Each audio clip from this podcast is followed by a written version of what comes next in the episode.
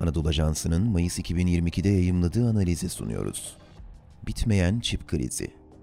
Yazan Yavuz Selim İşleyen, seslendiren Halil İbrahim Ciğer.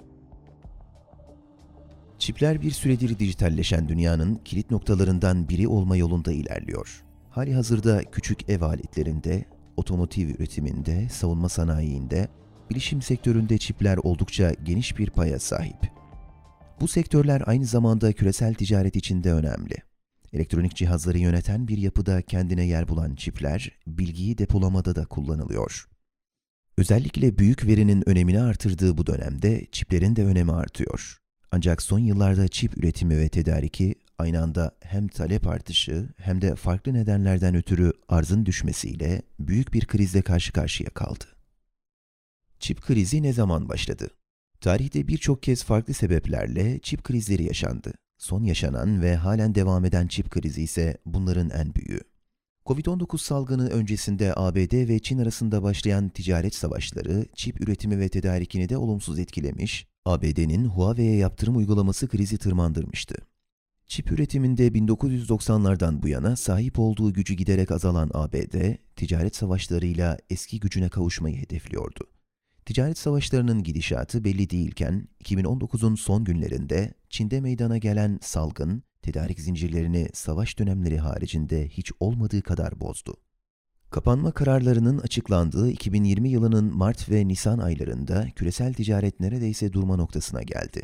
Gemiler limana yanaşamadı, üretim ve dağıtım hiç olmadığı kadar sekteye uğradı. 2022 yılında halen toparlanamayan tedarik zincirlerinin etkisiyle çip krizi daha da büyüyerek ülke ekonomilerini etkilemeye başladı.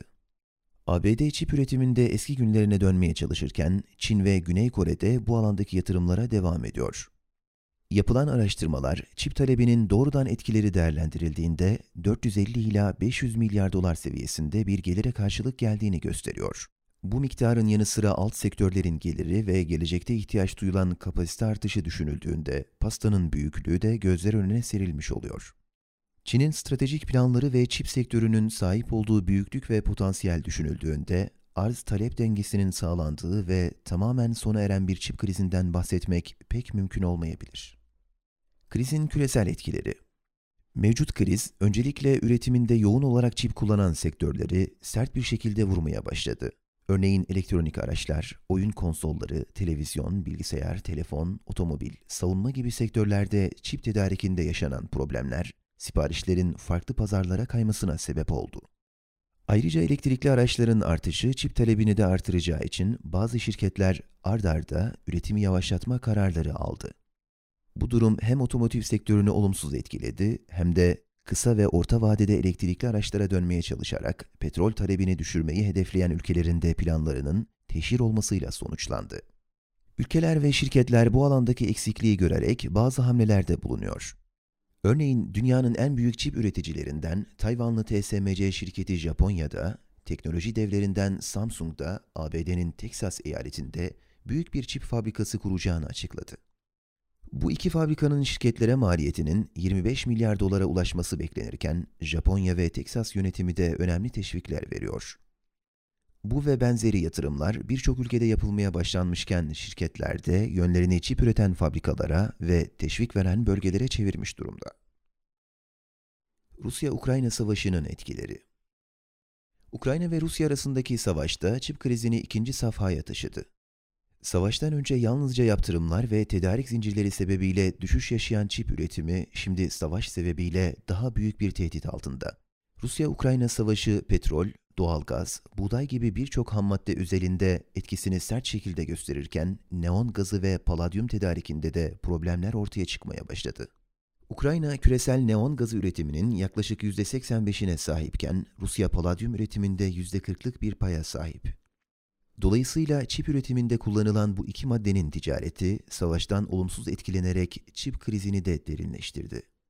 Sene başında tedarik zincirlerinde beklenen iyileşmenin yaz aylarına doğru gerçekleşmesi bekleniyordu ancak savaş bu beklentileri de erteleyerek otomobil fiyatlarında olumsuz bir seyir meydana getirdi. Türkiye ne yapıyor ve ne yapmalı? Bilindiği üzere Türkiye, TOK üretimiyle otomotiv sektöründe kendine bir yer edinmeye çalışacak. İç piyasaya yönelik veya ihracat amaçlı üretimi fark etmeksizin TOK şüphesiz ki Türkiye ekonomisi ve altyapısı için kritik bir yere sahip olacak. Covid-19 salgınından önce tanıtılan TOG'la birlikte Malezya ile imzalanan sanayi ve teknoloji alanındaki anlaşmalarla çip üretiminde önemli bir adım atılmıştı. Çip üretiminde ciddi bir tecrübeye sahip olan Malezya ile imzalanan anlaşma kayda değer bir öngörüyle gerçekleşti. Hem bir fabrika kurulumu hem de çip üretimine yönelik imzalanan anlaşmayla Türkiye önemli bir kazanım elde edecektir. Ayrıca TÜBİTAK tarafından geliştirilen Çakıl ismindeki milli mikro işlemci projesiyle de otomobil üretiminde meydana gelebilecek aksaklıkların giderilmesi planlanıyor. Türkiye çip krizinin henüz başlarında attığı adımları daha da geliştirerek bu alanda özellikle tasarım alanında var olan bilgi birikimini kullanabilir. Geçtiğimiz günlerde ABD Hazine Bakanı Janet Yellen, French Shoring kavramını ortaya atarak artık serbest ticaretin değil, güvenli ticaretin öne çıkacağını ifade etti. Türkiye birçok alanda üretici ve jeopolitik olarak da güçlü konumda olması sebebiyle belli alanlardaki üretim için French Shoring bir anlayış geliştirebilir. Ayrıca birçok sektörde ortak girişim projelerine katılan Türkiye, çip üretiminde de tedarik zincirini değiştiren ve üretim kapasitesini artırmak isteyen birçok şirket için French Shoring anlayışıyla imkanlar sağlayarak ortak girişimle bu alandaki payını artırabilir. Sermaye birikiminin bir kısıt olduğu çip üretiminde serbest veya güvenli ticaret bölgesi ve ortak girişim Türkiye'nin sektördeki kazanımları olabilir. Türkiye bu alanda yapacağı hamlelerle dünyadaki pazardan aldığı payı artırabilir. Bütün bunlar tıpkı enerji meselesinde olduğu gibi çip meselesinde de kendi kendine yetebilirliğin önümüzdeki dönemde kilit konulardan biri olacağını gösteriyor.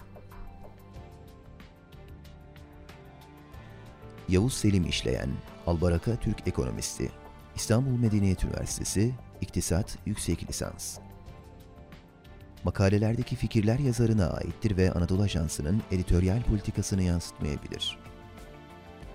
Spotify, Apple Podcast ve AA Sesli hesabından yayımladığımız podcastlerimize abone olmayı lütfen unutmayın.